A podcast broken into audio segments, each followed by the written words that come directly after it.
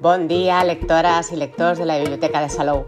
Us trobeu a l'espai Biblio Salou Ràdio, els podcasts bibliotecaris que us informen mensualment de les novetats bibliogràfiques de la Biblioteca de Salou i que podeu seguir a Anchor, també a Spotify, a banda de través de les nostres xarxes socials.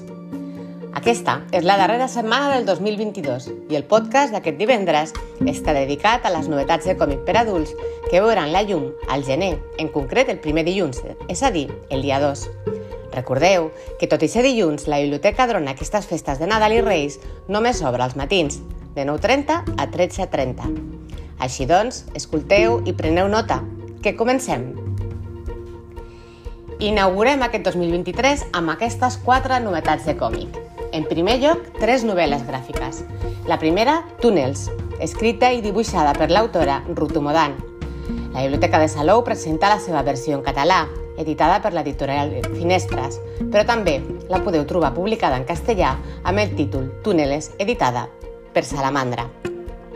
Túnels és una obra íntegra de Ruth Modan, on intenta analitzar la idiosincràsia israeliana a través d'un thriller arqueològic.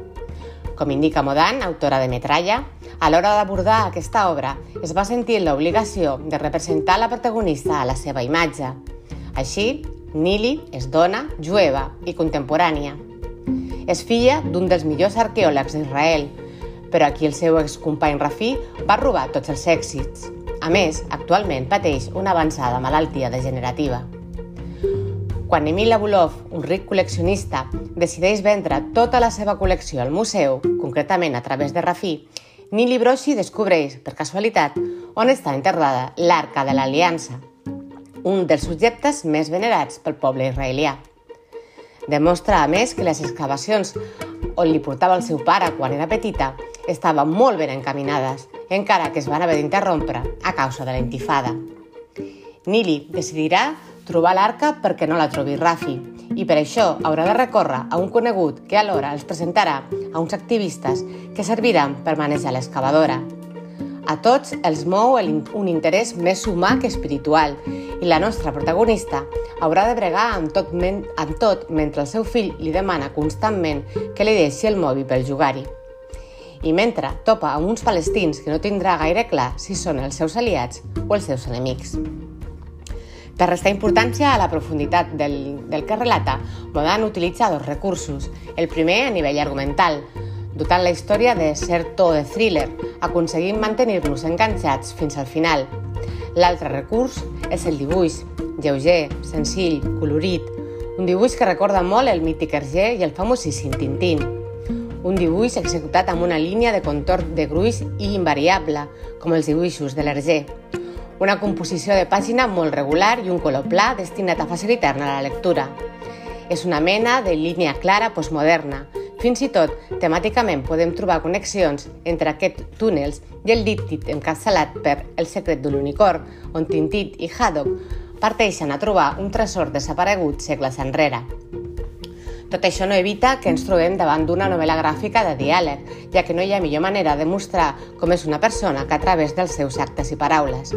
I tampoc no pot evitar cert cinisme o tocs d'humor espontanis disseminats al llarg de tot el còmic. En resum, Túnels és una novel·la gràfica entretinguda, interessant per a un ampli ventall d'espectadors i que ens permetrà acostar-nos una mica més a la manera de fer o comportar-se dels israelians. En, sengo, en segon lloc, veurà la llum com a novetat de gener Contrapasso, Los hijos de los otros, amb guió i il·lustracions de Teresa Valero i editada a Espanya per Norma Editorial. El primer que caldria dir d'aquesta obra és, sens dubte, que des de la primera vinyeta el misteri protofeminista és l'element clau, un interludi prometedor arrabassadorament noir. Teresa Valero realitza a través d'una història de gènere negre un retrat fidel i cru de l'Espanya dels anys 50. Sona El huerfanito d'Antonio Machín, cruixen els caps de gamba llançats sobre el terra d'un bar. Els escombriaires s'afanyen amb la neu, estem davant de l'onada de fred més crua del segle XX. El règim de Franco està més assentat que mai després del seu reconeixement internacional, encara que els estudiants estan esvalutats. Som al Madrid del 1956, on acaba de tornar des de França Léon Lenoir, un jove periodista amb ganes de menjar-se el món però la realitat li donarà un gran revés. Una de les cares del desencís és Emilio Sanz, un veterà periodista de successos que serà el seu company al diari La Capital. Falangista de la vella guàrdia, disconforme amb la deriva del règim, continua obstinat a treure la veritat a la llum. Una de les seves obsessions és desvetllar qui s'amaga darrere d'una sèrie d'assassinats de dones. Junts, Lenoir i Sanz s'enfrontaran a un nou cas, encara que en aquesta ocasió, en estirar el fil, trobaran una troca de foscos interessos. A la seva ajuda arriba Paloma Ríos, dibuixant de la revista Dona de Veritat i cosina de Lenoir, en qui va mantenir un romans d'adolescència, les braces del qual encara perviuen. A través de la mirada d'aquests tres protagonistes, als quals se suma un elaborat elenc de secundaris, Teresa Valero mostra les costures fràgils d'aquesta Espanya grisa i oprimida, que se suposava en pau. Ho fa a través de la trama criminal que fila la història, que té entre els principals eixos el robatori de nens en maternitats, un assumpte tèrbol, les doloroses conseqüències del qual encara s'arrosseguen, que revela la impunitat amb què es van moure figures destacades del franquisme. L'autora construeix una intriga prou complexa i sòlida per mantenir el lector expectant cada pàgina. Tanmateix, sagaçment, sagaçment no la fa tan intrincada com per desviar l'atenció del focus social. I és que, eh, com en els millors clàssics del gènere negre, aquí hi ha el veritable moll d'aquesta novel·la gràfica, mostrar com qualsevol que es mogués gens ni mica del mar social imposat pels vencedors, fins i tot aquells teòricament ben posicionats, ho pagaria molt car. Una situació especialment feridora per a les dones i les persones homosexuals, els drets de les quals eren constantment trepitjats, com bé reflecteix aquest còmic. A contrapasso hi ha també moltes altres històries. Valero realitza una tasca extraordinària al dibuix, que fica de ple al lector a l'època. Cada vegada que obre una mica el pla, allà, de fons, ocorren una infinitat de petites coses. La vida quotidiana brilla gràcies al maneig del color i la llum, una parella d'enamorats, una mare passejant amb els seus fills, una serventa sacsejant les catifes, un botons corrent entre els parroquians d'una cafeteria... Com diu l'Elvira Lindo al seu pròleg, donen ganes d'entrar en una d'aquestes vinyetes. Contrapasso, que es va editar de forma simultània a França per Dupuy, es mou als codis de l'àlbum franco-belga, un terreny conegut que encara fa més accessible una novel·la gràfica amb ambició d'arribar al gran públic i que no sabem pas si tindrà un segon volum. La tercera novel·la gràfica que ressenyem avui és Leñadora 6, Les passajeres del tiempo, publicada per Sapristi. Com veieu, es tracta del volum número 6 d'aquesta col·lecció. Per tant, abans de donar-vos més dades sobre, sobre ell, caldria fer un breu resum sobre la sèrie. Leñadores és una sèrie de còmics creats per Shannon Waters, Grace Ellis, Gus Allen i N.D. Stevenson i publicat per Boom Books, una branca de Boom Studios. La història tracta d'un grup de noies anomenades Mal, Ripley, Molly, April i Joe. El seu estiu i el seu estiu, perdó, en un campament de Girl Scouts i les trobades amb criatures estranyes i fenòmens sobrenaturals. Originalment havia de ser una saga de 8 volums, però a causa, a causa de les fortes vendes i la clavació de la crítica, el còmic es va convertir en una sèrie encara en curs. Lenyadores és el resultat que l'editora de Boom Studios Shannon Waters es dirigís a Grace Ellis amb esperances de crear una sèrie de còmics centrada en noies.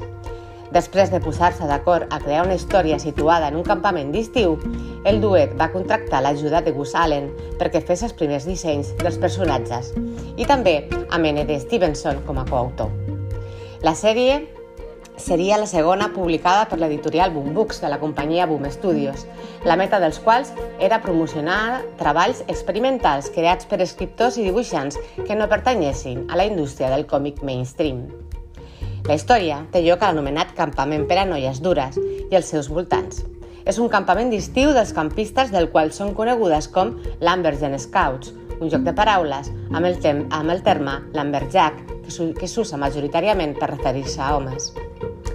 Les cinc escoltes de la cabana Roanoke, Jo, April, Molly, Mal i Ripley veuen com una misteriosa senyora es converteix en un os i després de seguir-la fins al bosc es troben amb un ramat hostil de guineus sobrenaturals amb tres ulls. Quan comencen a aparèixer més criatures amb tres ulls, les noies assumeixen la responsabilitat de resoldre els misteris que envolten el campament. Mitjançant el transcurs de la història, els personatges aconsegueixen o fan referència a diverses insígnies d'Scout, insígnia que es guanya per superar una prova. Els personatges fan referències freqüentment a pioneres famoses amb les frases com o My Bessie Coleman, en referència a Bessie Coleman, la primera dona afroamericana pilot de la història, i que Joan Jett, una de les dones més importants de la història del rock i, i que li ha fet guanyar l'apel·latiu de reina del rock and roll o àvia del punk.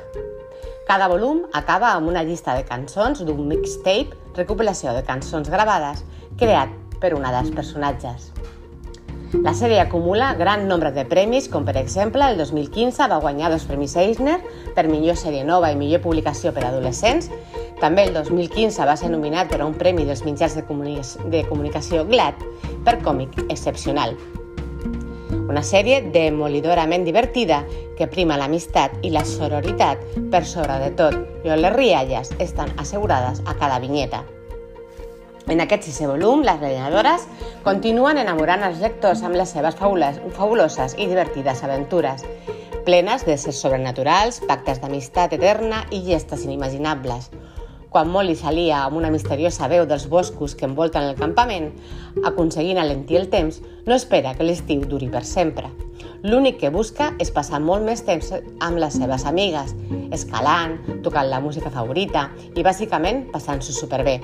Però les coses es torcen i el temps es comença a congelar quan no deu, saltant d'una dècada a una altra sense avís previ. És llavors quan han de prendre les regnes una altra vegada i reajustar el curs natural del temps. Seran capaces?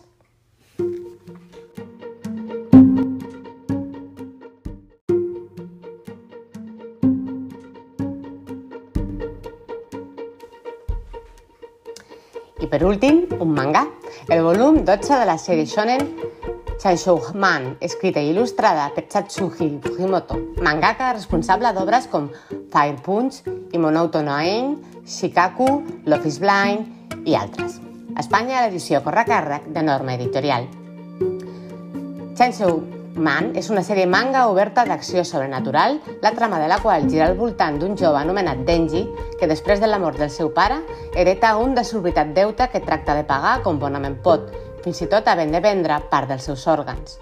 Gràcies a la seva mascota dimoni, el gos motosserra anomenat Pochita, Denji treballa exterminant dimonis per poder pagar tot el que deu als seus creditors. Tot canviarà per Denji quan un dia els seus caps decideixen fer un pacte amb un dimoni per entregar-li cadàvers de caçadors de dimonis, ferint de gravetat el jove.